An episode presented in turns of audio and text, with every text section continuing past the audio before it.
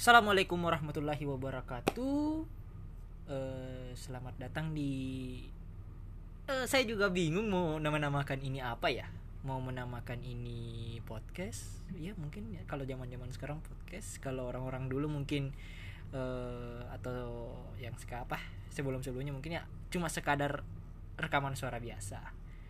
Nah, Eh, saya tidak tahu apakah saya mau mengucapkan selamat malam, selamat pagi atau selamat siang untuk kamu yang mendengarkan ini. Eh, yang jelasnya saya buat ini malam di tengah saya sedang mengerjakan tugas, nggak tahu tiba-tiba kepikiran untuk episode yang mungkin yang pertama ya kecuali kalau mungkin ada yang saya buat ini sebelumnya atau saya eh, eh, kirim ini sebelum apa sebelum sebelum ini ada yang saya kirim lagi. Nah untuk yang pertama ini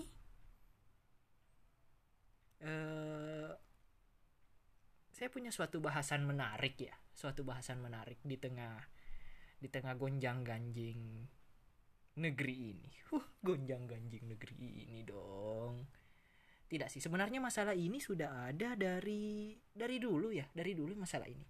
Jadi masalah ini cuma apa masalah mungkin eh, seperti intoleransi kemudian kita tidak bisa memahami orang lain di mana di mana kita masih sedikit eh, saya saya saya rasa untuk negara yang memiliki kebanyakan yang sangat luar biasa kita masih apa ya masih gagap untuk memahami perbedaan kita dalam memahami kepercayaan orang lain.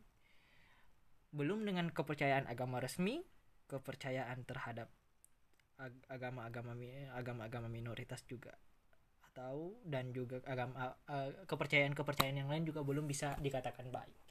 Nah, ini berawal sebenarnya saya bikin ini karena secara tidak sengaja. Jadi eh, di tengah di tengah podcast ini juga akan saya tampilkan uh, bagaimana perbincangan singkat saya dengan uh, dosen saya dengan dosen saya dosen saya dengan dosen saya soal uh, bagaimana uh, pertama saya itu cuma nanya soal tujuan terus melebar ke mana-mana karena uh, saya nggak tahu saya rasa mungkin momennya pas di situ tepat jadi mungkin kalau uh, kamu dengarkan dengarkan uh, kelanjutan dari podcast ini mungkin agak sedikit saya sedikit apa ya tidak siap mungkin saat saya bertanya. Karena memang itu betul-betul spontan ya. Karena pas setelah pelajaran saya merasa uh, bisa diskusi dengan bapak itu. Dan juga kita mepet waktu saat mau sholat Jumat.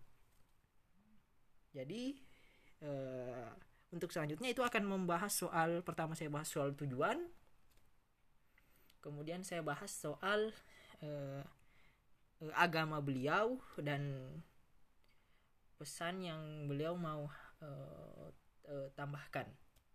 Itu. Jadi selamat mendengarkan. Tidak bisa lakukan sendiri. Hmm. dia perlu partner untuk ya dalam hidupnya dia gitu ya. Syarat-syarat itu ada di saya maka saya menikah sama saya.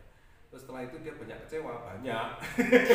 Ternyata yang diduga dulu sesuai ya banyak yang nggak sesuainya juga. iya. gitu Ais. Iya pak. Pak boleh nanya soal Katolik nggak boleh.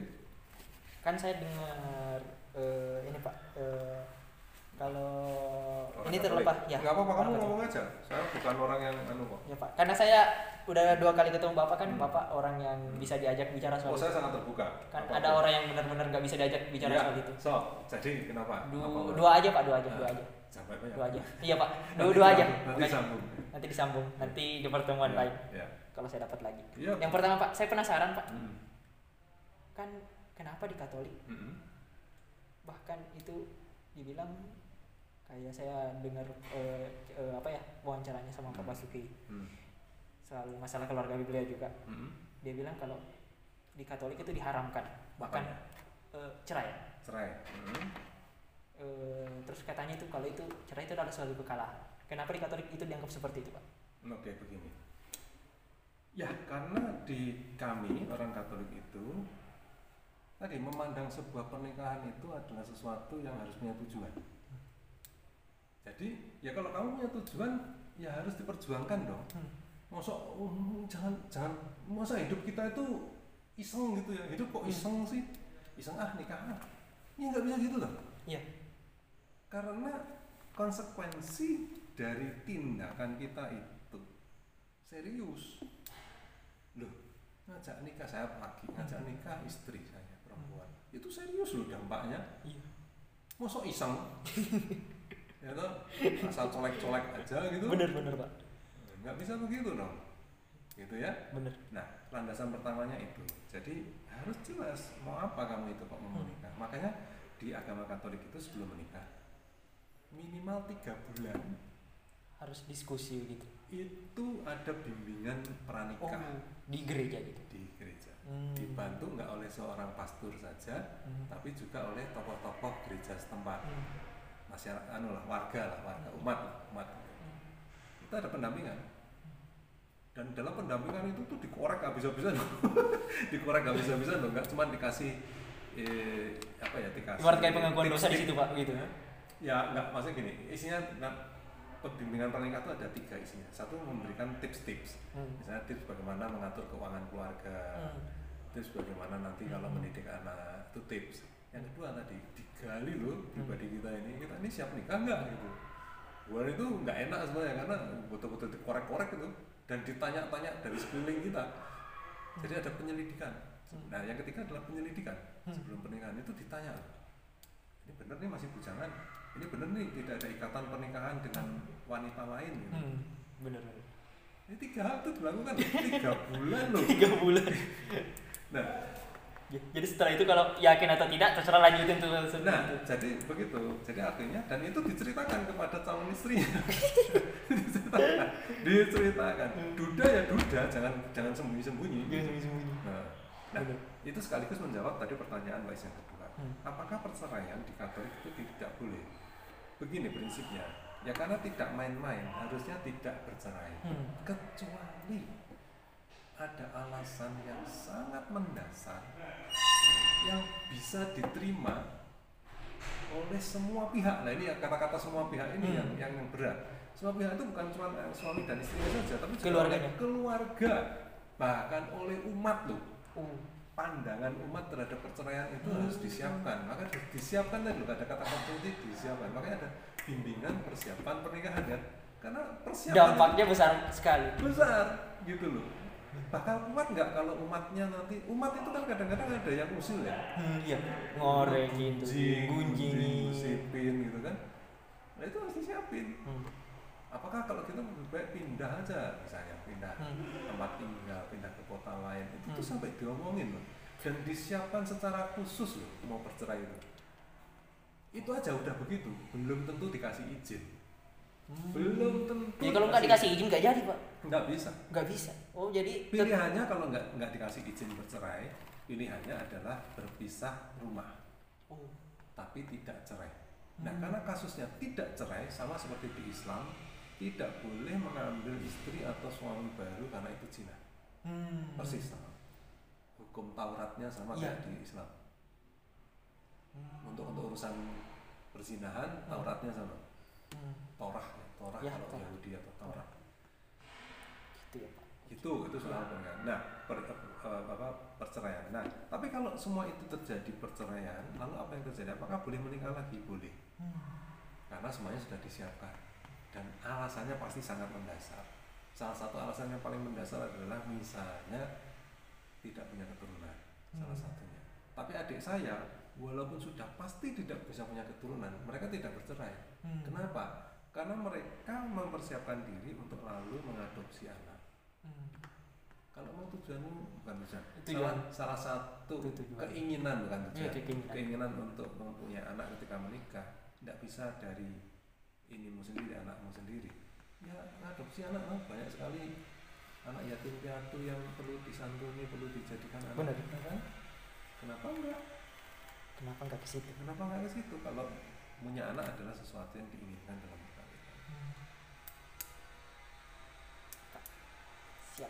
nah gitu. Itu dua hal itu dijawab sekaligus. Bener pak. Ya jadi eh, gini ada satu tambahan yang tapi ini ini ya. Wais harus melihat konteks dalam agama ya. Ya, saya lihat konteksnya. Eh, ada konteks agamanya gini. Iman iman Katolik mengatakan bahwa pernikahan itu adalah sakramen. Sakramen itu apa?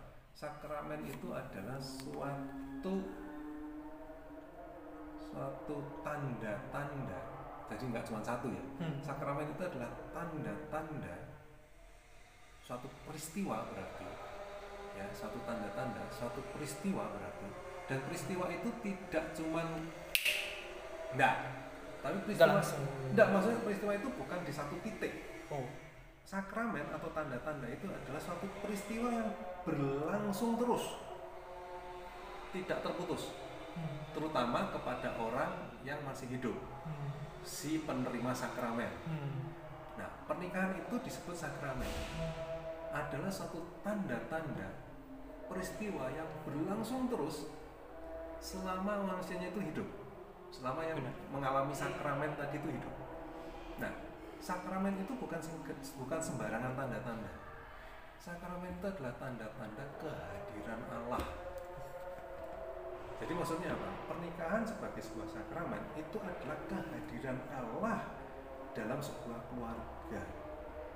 Dalam sebuah hubungan suami istri dan anak-anaknya kalau ada. Dan keluarganya orang tua dan saudara-saudaranya. Dan terhadap gereja dalam arti umat Allah umat Katoliknya. Jadi itu tanggung jawab sosialnya itu sampai segitu. Dari sebuah perkawinan. Hmm. itu makanya bisa dimengerti ada persiapan perkawinan sampai tiga bulan dikorek-korek dan segala macam itu disiapkan itu karena itu. Nah makanya kamu kan muslim. Pak. kamu boleh ngomong sama teman-temanmu yang muslim dan nggak tahu lah yang pemikirannya mungkin nggak tahu siapa sih ngajarin gitu ya. Kristenisasi katolikisasi. Emang gampang mau jadi orang katolik apa? Kamu tahu nggak? Untuk menjadi pemeluk agama katolik itu. Apa syaratnya? Misalnya. Syaratnya tuh panjang loh kalau misalnya kamu sudah Nggak bisa langsung misalnya Oh, kan nggak. kan kalau pemikiran bisa. awam awam saya pak datang gereja baptis selesai. bahkan masuk gereja aja udah katolik nggak bisa Nggak bisa. nggak bisa menjadi katolik itu ada ada prosesnya lagi sama kayak menikah dipersiapkan dulu persiapannya berapa lama Hmm. satu tahun minimal kalau tadi menikah tiga bulan Iya. untuk menjadi katolik bahkan kamu dari gereja yang lain misalnya dari Kristen gitu ya mau pindah ke Katolik sama-sama kan masih Kristennya kan? Yesusnya sama Nabi Hmm. Isanya sama. Nabinya sama kan? Hmm. Isa Isa Al-Masih itu nggak bisa loh langsung loh. Satu tahun loh tetap persiapannya. Nah satu tahun itu apa? Ya itu tadi dikorek-korek. Wah Bener bener. susah loh. Dan ada ujiannya loh. Pakai ujian juga pak. pakai jadi sebelum dibaptis itu ketemu sama pastor Hmm. sama beberapa tokoh gereja itu tanya jawab di situ pastor akan memutuskan ya kamu baptis atau tidak Hmm. nggak gampang Enggak. kalau kamu mau menjadi katolik setelah dewasa Hmm. nah sekarang ada anak-anak yang baru lahir dibaptis Hmm. baru lahir keluar dari rumah sakit dibaptis tuh jadi katolik nah kan dia masih anak-anak belum bisa milih kan sebetulnya. Hmm. Itu sebelum dibaptis pastornya ngundang orang tuanya sekali lagi diselidiki lagi Diselidiki lagi. diselidiki lagi minimal tiga kali pertemuan Oh jadi kalau misalnya ini eh, anak yang udah dewasa dia mau pindah ke Katolik satu orang tahun orang keluarganya juga dipanggil. dipanggil juga Hmm. ada ada pernyataan dari keluarga bahwa misalnya ya Iya. maaf ada yang dari Kristen mau pindah ke Katolik tadi Hmm. itu ada formulir Waduh. bahwa keluarga menyatakan mengetahui bahwa si anak yang sudah dewasa ini memilih untuk menjadi Katolik Hmm. kalau nggak ada nggak ada restu Hmm. itu ditolak. Oh, ditolak mentah-mentah ya betul betul. ditolak mentah-mentah ya. Hmm. jangan jangan jangan jangan takut soal penyebaran agama dan sebagainya Iya. Katolik saja terus terang agama Katolik tidak mencari umat enggak kita bukan MLM bukan perusahaan Kamu nyari umat sekian, dibawa dipindahin sekian. enggak, enggak Oh, dikira MLM. bukan bukan bukan cari umat. Bener bener. Kita hanya menyediakan suatu cara tunggangan kendaraan. Kalau orang ini tujuannya Mau bersama ikut, kami. Ayo masuklah. Tapi sebelum masuk bayar dulu beli karcis dulu. Beli karcis dulu. Karcisnya screening Ah, tadi. ah, punya KTP enggak? KTP enggak. bisa beli karcis tapi enggak punya KTP ditolak lu naik kereta sekarang nggak pakai KTP bisa? Nggak bisa. tolak. No nah KTP itu kan ada namanya siapa lahir di mana. Diselidiki loh. Iya. jadi makanya kamu ngomong sama teman-temanmu terutama yang mungkin masih belum paham belum tahu. Nggak gampang loh jadi katolik itu pertanyaan saya terakhir pak. Hmm. saya terakhir banget nanti saya simpan buat minggu minggu depan. Spesifik perbedaannya prote Kristen kan Protestan sama Katolik kan kalau kan orang kan ya Bapak juga pasti tahu. Ya. Bahasa, masih ada yang nggak bisa Ya. bedain Ya. Kristen itu Protestan, Ya. Katolik ya Ya. Katolik. sama Ya sama. sama sebetulnya anak Perbedaan perbedaannya apa Pak? Hmm, itu sih mazhab aja kayak kalau di Islam ada Sunni, Syiah, Ahmadiyah, apalah mazhab, Masap. mazhab Tetap. aja. Tetapi mereka berdua tidak bertentangan. Lah, ya enggak lah. Ya, ya makanya saya tuh suka kadang-kadang mohon maaf ya. Ya. Kalau saya boleh jujur, Hmm.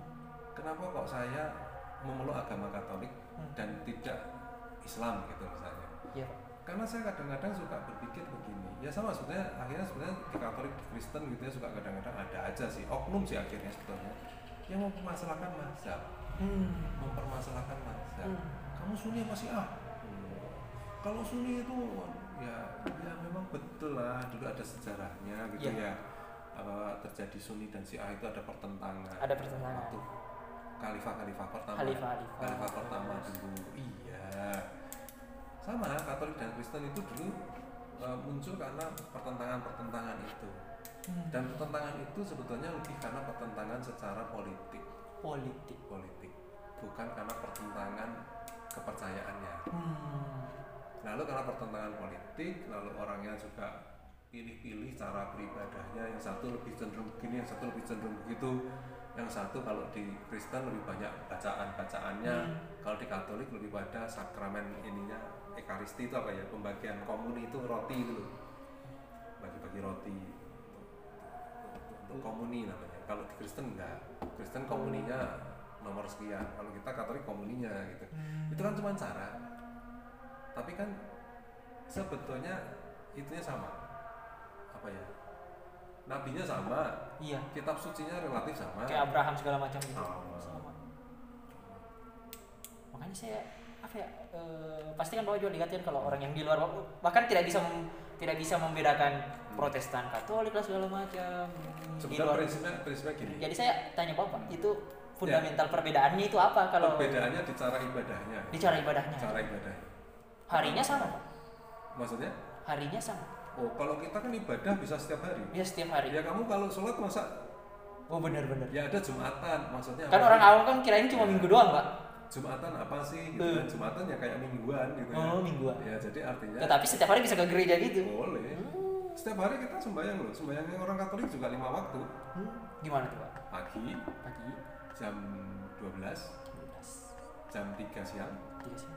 sore, sama tengah malam. Itu gimana tuh, Pak? Ya Doa. Ya doa. ya Doa. doa. Oh. Doa. Ada bacaannya. Ada bacaannya. Kalau kalau yang tertib ya. Ya tertib Ya, tertib. kalau saya mah- saya mah nggak tertib. Kalau saya mah kalau inget aja. kalau yang tertib ya ada bacaannya. Hmm. Kalau malam misalnya doa sebelum tidur. Hmm. Kalau pagi doa pagi hari untuk Benar. memulai suatu Mulai kehidupan baru. mulai Kalau jam kegiatan. 12 itu break, jam 3 itu kerahiman ilahi namanya. Maghrib itu ya doa menjelang malam, itulah orang istirahat, bersyukur atas pekerjaan satu hari itu maghrib, sore gitu ya. Kalau yang malam hari tadi sebelum tidur. Kalau di biara-biara, pastor-pastor, suster-suster lima waktu sama. Lo kok bisa mirip sama Islam lah? Ya sumbernya daerah itu kok Bener, disebut Pak. sebagai agama samawi Bener.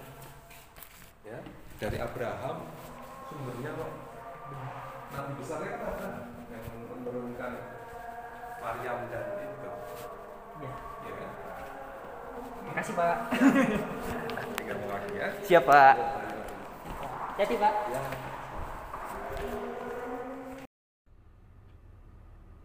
ya pembicaraan saya dengan dosen saya ya apa ya menurut saya seru seru karena eh, beliau enak enak diajak bicara termasuk bagaimana tadi membahas soal tujuan terus eh, merembet ke masalah agama dan beberapa pertanyaan yang menurut saya eh, mungkin kita masih belum bisa memahami secara kontekstual dalam artian kita masih tabuh dalam membahas agama terutama agama orang lain.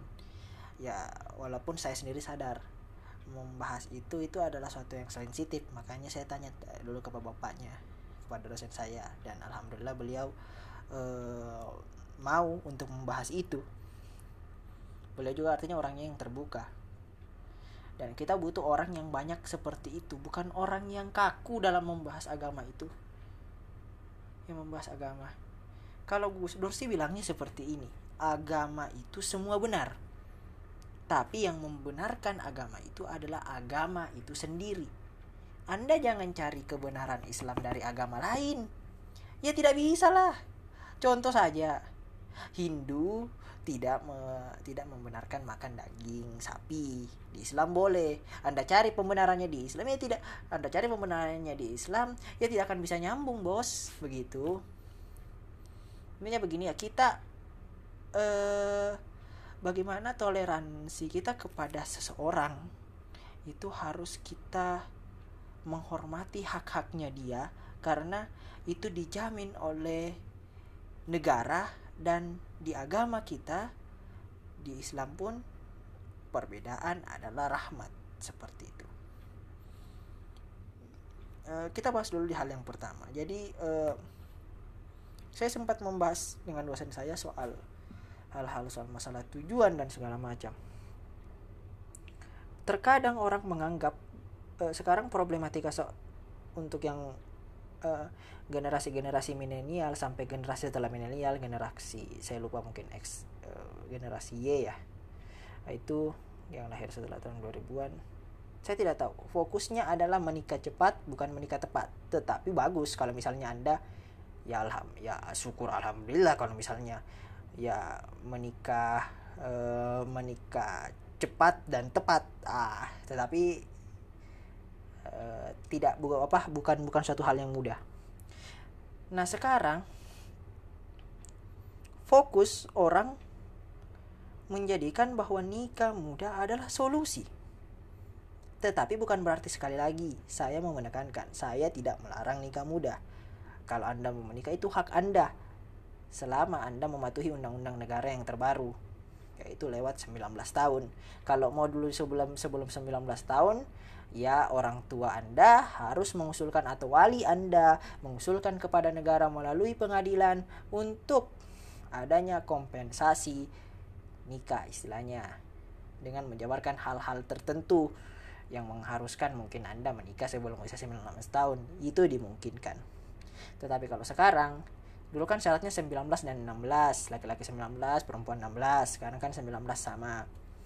Gitu. Tetapi terserah kalau misalnya memang sudah mau dilewat itu juga tidak. Tetapi saya mau bilang bahwa e, dari pembicaraan dari dosen saya ya ya bukan e, bukan suatu hal yang salah. Mau anda menikah juga di atas umur 30-an juga tidak apa-apa. Ya saya juga apa ya saya gregetnya ini begini ya masalah ini ya. Kalau masalah ini masalah itu kan masalah personal ya menurut saya. Orang terserah mau mereka tapi terkadang orang mempermasalahkan itu. Mempermasalahkan itu. Artinya orang menganggap nikah muda yang terbaik ya. Saya saya menurut saya tidak sih. Tetapi kalau memang bisa secepatnya ya kenapa tidak? Tetapi yang harus yang tepat dulu. Tidak ada. Terkadang kan orang sekarang banyak sih mungkin mungkin kamu mungkin kamu uh, juga punya teman-teman yang terobsesi untuk menikah muda. Tetapi itu tidak apa-apa. Tapi itu tidak apa-apa. Sekali lagi saya tidak tolong jangan serang saya. Tolong jangan serang saya. Saya saya bukan orang yang tidak menolerir nikah muda. Tidak. Saya bilang ya tadi selama selama selama negara memperbolehkan ya silahkan. Ya itu dari lewat lewat lewat lewat peraturan lagi. Karena begini ya kalau misalnya anda tidak lewat peraturan ya ketika ada tindak lanjut dari peratur apa dari dari pernikahan anda anda mau bikin dokumen-dokumen setelahnya itu akan sulit. Karena kalau mau bikin kartu keluarga ya harus ada ada harus sudah harus ada buku nikah. Minimal seperti itu. Harusnya minimal eh, ada kalau anda sebagai yang yang keluarga ya anda bikin keluarga. Beda kalau anda ikut di keluarga orang. Nah ini terkadang ya sekarang orang fokusnya untuk nikah cepat. Terkadang ya begitu daripada daripada misalnya begini daripada saya zina waduh berat bicaranya ke situ waduh. Ya menikah kan tujuannya bukan bukan cuma itu. Dosen saya tujuannya menikah ya cuma buat cari orang yang menemaninya saat dia sendiri. Nah ini kok ya begini ya. Solusi ya kalau anda lapar solusinya makan. Kalau anda mau diet solusinya eh, jangan makan. Ya bukan berarti ya eh, intinya kurangi makanan-makanan yang menambah ba- berlemak dan segala macam. Kalau anda mau puasa ya solusinya ya tidak makan. Kalau anda tidak mau berbuat seperti itu ya solusinya jangan lakukan itu. Kan begini begini. Kan se- seakan-akan kan tujuan tujuan pernikahan kan hanya untuk itu kan tidak kan? Tujuan dosen saya pun menikah ya untuk dia punya teman untuk ketika dia sendiri. Ya itu ya ya ya ya menurut saya ya kurang tepat. Kalau kita masih berada pada stigmatisasi pikiran-pikiran yang mengatakan bahwa ya tujuan orang harus menikah ya. Lebih baik anda menikah saja dibandingkan anda sini ya berarti anda tujuan anda menikah ya cuma untuk seperti itu. Ya tidak juga bambang. Nah tujuan ketika eh, makanya dosen saya itu bilang eh, dia dia memberitahu saya bahwa tujuan anda harus jelas.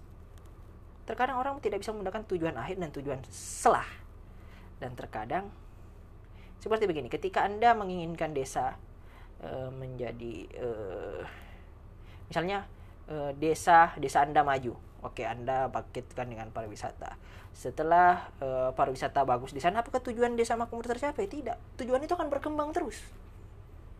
Tujuan itu akan berkembang terus. Dan begini dan tujuan anda kalau cuma untuk eh begini eh, tujuan anda kalau misalnya cuma untuk sampai di titik anda oh eh, bisa melakukan hal yang tadinya ha- haram menjadi halal ya pendek sekali ya seperti itu. Dan juga ya kalau tujuan anda cuma untuk punya pasangan ya kita tidak tahu berapa lama anda bisa sama dengan pasangan anda. Entah anda terpisah di dunia terpisah di akhirat itu tidak ada yang tahu itu Tuhan yang tahu. Tetapi kalau anda menjadikan dia menjadi tujuan anda ya tidak bisa juga jadi begini sekali lagi jangan jadikan misalnya alasan anda menikah muda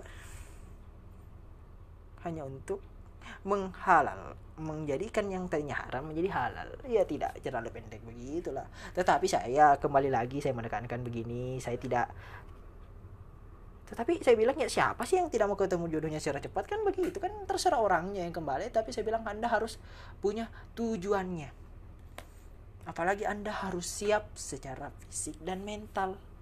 Dan sekarang fisik mental dan ekonomi. Begitu. Kalau yang sekarang yang disarankan oleh pemerintah. Seperti itu. Nah selanjutnya itu masalah soal ke tapi lagi ya saya tekankan yang tadi ya. Tidak apa-apa menikah cepat apa menikah di usia setelah 19 tahun. Ya tidak apa-apa kalau memang sudah ketemu jodohnya tapi harus punya tujuan yang jelas. Bukan berarti saya tadi bilang tadi segala macam itu. Itu kan cuma sebagian oknum juga tidak semuanya. Banyak kok yang juga juga juga juga menikah menikah muda ya. Eh, mau baik dia menikah muda atau menikah menikah setelah umur 25 atau ada yang menikah umur 30 Bung Hatta saja langgeng. Setelah setelah dia eh, dia baru dia baru menikah umur 43 tahun. Terus saya bilang kalau bilang eh, godaan segala macam ini saya akan cerita sedikit tentang Bung Hatta ya sebelum kita ke masalah kemajemukan. Bahkan Bung Hatta itu paling bi- bisa dibilang bi- bisa bahkan dikategorikan dia bahkan lebih mencintai buku daripada daripada perempuan akhirnya dia memenuhi dulu. Bahkan dia bilang cintanya bersyarat merdeka. Dia baru mau menikah setelah Indonesia merdeka. Dia baru mau menikah setelah Indonesia merdeka. Itu juga tidak bisa tidak bisa kita salahkan. Kan bisa kan? Seperti begitu. Bahkan begini ada sesuatu guyonan saking eh, Su- eh, Soekarno dia bilang begini ini cuma bercanda ya. Soekarno bilang begini. Eh, pernah suatu ketika eh, dalam suatu kendaraan S- Bung Hatta dan salah seorang perempuan temannya dan supir ini jalan naik suatu kendaraan. Terus kendaraan ini mengalami satu masalah sehingga eh, apa sehingga eh, supirnya harus keluar cari bantuan dulu untuk memperbaiki kerusakan karena tidak bisa jalan. Tinggallah Bung Hatta berdua dengan perempuan ini. Kira-kira apa yang terjadi setelah supir ini kembali Bung Hatta dan perempuan ini malah ketiduran yang satu menghadap ke kiri yang satu menghadap ke kanan di situ Soekarno bilang kalau Soekarno yang ditinggal berdua begitu, supir itu kembali, dua orang ini sudah menikah. Kalau Soekarno yang di situ. Jadi tidak mutlak juga dikatakan ya kalau eh, orang yang tidak mau menikah muda ya berpotensi melakukan keharaman yang begitu banyak ya tidak bisa juga dong. Tidaklah, tidak, tidak. Bung Hatta pun menikah 43 tahun biasa saja dan dia akhirnya setia dengan Rahmi dibandingkan maaf ya Soekarno itu menikah dengan Utari sebelum 12 sebelum 20 ta 20 tahun dia menikah 20 tahun. Terus menikah dengan Utari menikah dengan Fatmawati menikah dengan Hartini dan sampai menikah dengan 9 kali menikah. Tidak juga dong. Ya artinya begitu. Artinya harus ada tujuan lah. Tapi bukan berarti saya mendirikan Soekarno. Saya cinta sama Soekarno. Saya orang kagum dengan kebijakan Soekarno. Soekarno orangnya baik. Bu Fatmawati orangnya baik. Utari orangnya baik.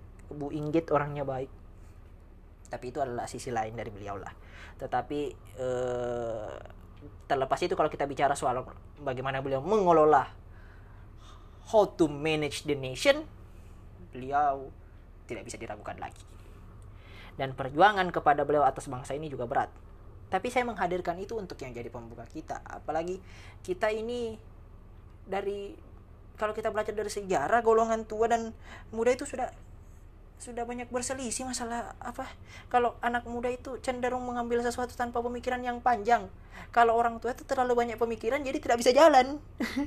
Kalau anak muda itu sedikit memikirkan jalannya cepat dan cenderung biasa gagal. Kalau orang pemikiran itu karena dia sudah gagal jadi dia memikirkan sesuatu dengan hati-hati tapi cenderung karena itu pergerakannya jadi tidak terlalu panjang begitu kalau kita bicara soal golongan tua dan muda jadi seperti itu. Jadi baik anda mau menikah muda atau menikah cepat yang penting harus ada tujuannya dulu. Tidak apa-apa kalau anda mau menikah menikah cepat ya kalau memang sudah ada jodohnya terus memang sudah siap ya langsung lah kalau memang yang salah itu kalau memang tidak apa-apa ujuk-ujuk. Sepertinya besok tanggal bagus sepertinya aku ingin menikah. Calonnya tidak ada. Wow wow wow wow wow wow wow wow wow ah, tidak ada calonnya belum di-download. Waduh cia. Akunya baru waduh sudah. Intinya yang penting ada tujuan. Dan supaya jelas andanya arahnya mau ke mana. Seperti itu. Nah kita ke masalah kemajemukan begini. Kan saya bahas artinya artinya setiap agama itu punya punya prinsip dan ajaran yang menurut saya kita bukan suatu yang salah untuk mengetahui apa untuk mengetahui itu soal Anda percaya atau tidak itu kembali dari keimanan Anda. Tetapi bukan berarti Anda dilarang untuk mengetahui misalnya Weda itu apa, Tripitaka itu apa, isinya apa. Kan yang salah kalau Anda me, apa menganggap kebenarannya itu di atas kitab suci agama Anda. Itu yang salah. Gitu kita bicara soal tauhid di situ. Nah, eh, yang beliau mau tekankan di sini adalah ya memang banyak banyak kesalahpahaman orang soal kristenisasi. Apa-apa dianggap kristenisasi. Banyak cocokologi dan segala macam. Ini proses kristenisasi ya apalah. Saya bilang kita kan ini ibaratnya promosi-promosi barang ya ini promosi barang ini barang bagus ini barang bagus yang menentukan barang yang yang mengatakan misalnya ini barang bagus. Spesifikasinya begini. Kalau kamu mau mas uh, uh, ya misalnya rumah misalnya rumah. Oke kita ganti eh, yang, yang lebih gampang rumah. Spesifikasinya begini. Syarat kalau mau tinggal di sini eh bonusnya seperti ini. Kalau mau masuk ya silahkan di sini. Kita kan sama-sama sama-sama apa? Sama-sama meng apa eh mempromosikan kebaikan agama kita sendiri dan yang dan yang salah adalah kita eh terlalu merasa bahwa apa yang dilakukan agama ini adalah proses untuk membiarkan orang lain untuk masuk agama dia. Padahal per, menurut saya perpindahan kalau yang dari sekarang ya perpindahan orang dari satu agama lain ke agama satu dan ke agama yang lain itu kan salah satu dari proses mungkin dia mencari kebenaran atau dia butuh. Ya orang ini adalah orang yang butuh jawaban dari pertanyaan-pertanyaannya. Ya kita tidak perlu menstigmatisasi suatu agama. Misalnya begini ya orang misalnya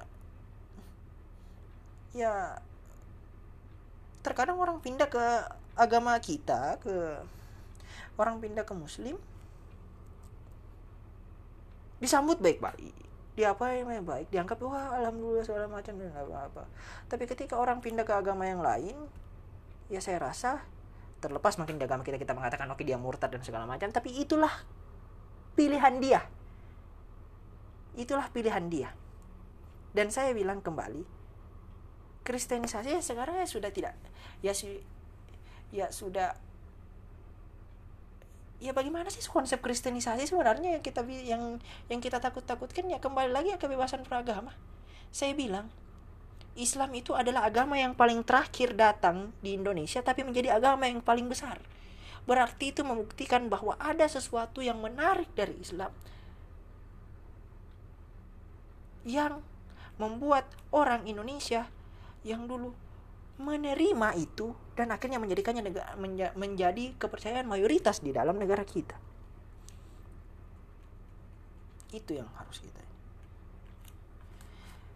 Kita dan seperti tadi yang dikatakan dosen saya bahwa e, untuk masuk Katolik itu bukan bukan suatu proses yang gampang dan dan dan tidak serta merta bisa ada prosesnya juga dan saya juga baru tahu di situ. Dan tidak semerta-merta bisa diterima langsung masuk Katolik tidak. Dan juga mereka bukan orang yang mencari umat. Tidak semudah itu masuk Katolik saya bilang. Kenapa kita harus mencurigai seseorang? Dan itulah yang yang apa mereng, merenggangkan persatuan kita. Ya terserah dia kalau mau pilih yang mana kan. Yang jelas dia menjadi warga negara yang baik. Soal kepercayaannya dan Tuhannya itu terserah dia. Seperti itu. Kita bisa lihat bagaimana Indonesia dulu Indonesia yang waktunya dulu Nusantara. Kita datang kita diterima. Kita contoh kasus lain. Kita diterima dengan baik. Kita bisa berdagang yang penyembar penyembar agama Islam yang dulu. Bahkan penyembar Wali Songo itu bagaimana pintarnya mereka memadukan agama dan budaya untuk membuat orang tertarik kepada Islam. Dan sekarang seakan-akan atas nama agama menyingkirkan budaya tidak bisa juga begitu bos. Kok kita seakan-akan mengebiri? Gara-gara ini loh orang dulu jadi mengenal Islam yang baik. Islam yang ramah bukan marah begitu. Kita kita menuduh sesuatu yang se seakan-akan hanya menjadi duri dalam persatuan kita. Indonesia bisa jadi besar karena perbedaan-perbedaan itu dan perbedaan itu rah perbedaan itu rahmat kita juga tidak bisa memaksa semua orang apakah apakah keberhasilan suatu agama itu kalau misalnya apa ke, keberhasilan suatu agama itu kalau misalnya suatu sat, satu dunia ini e, menjadi satu agama tertentu kan tidak kan perbedaan itu dikehendaki dan juga anda tidak bisa menghendaki memberikan hidayah kepada siapa. Nabi pun sampai pamannya meninggal tidak bisa memberikan hidayah kepada pamannya. Dan ditegaskan lagi kepada oleh Allah Subhanahu wa taala bahwa itu adalah hak prerogatif Tuhan untuk memberikan hidayah kepada orang yang dia kehendaki. Ya kalau memang tidak bisa ya tidak usah.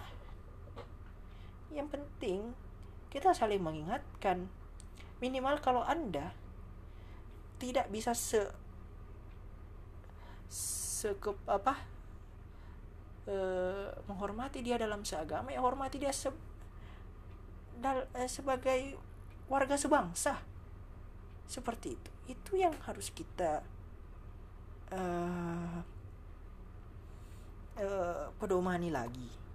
Bagaimana kita jangan jadi orang yang gampang tersulut emosi gara-gara berita-berita hoax dan segala macam. Penggiringan opini. Kan ada kata-kata ya kalau mau membodohi sesuatu ya bungkus sesuatu dengan kemasan agama kan seperti itu.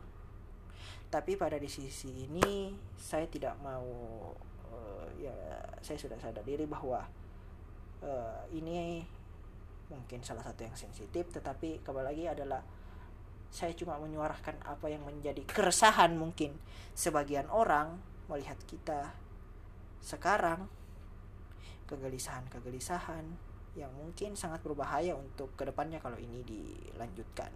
Saya harap ke depannya mungkin kita masih apa sam intinya kita begini kita setuju untuk tidak se, uh, we agree to disagree kita ya perten apa perbedaan itu bukan untuk dipertandingkan tapi untuk dipersandingkan itu yang membuat segalanya menjadi indah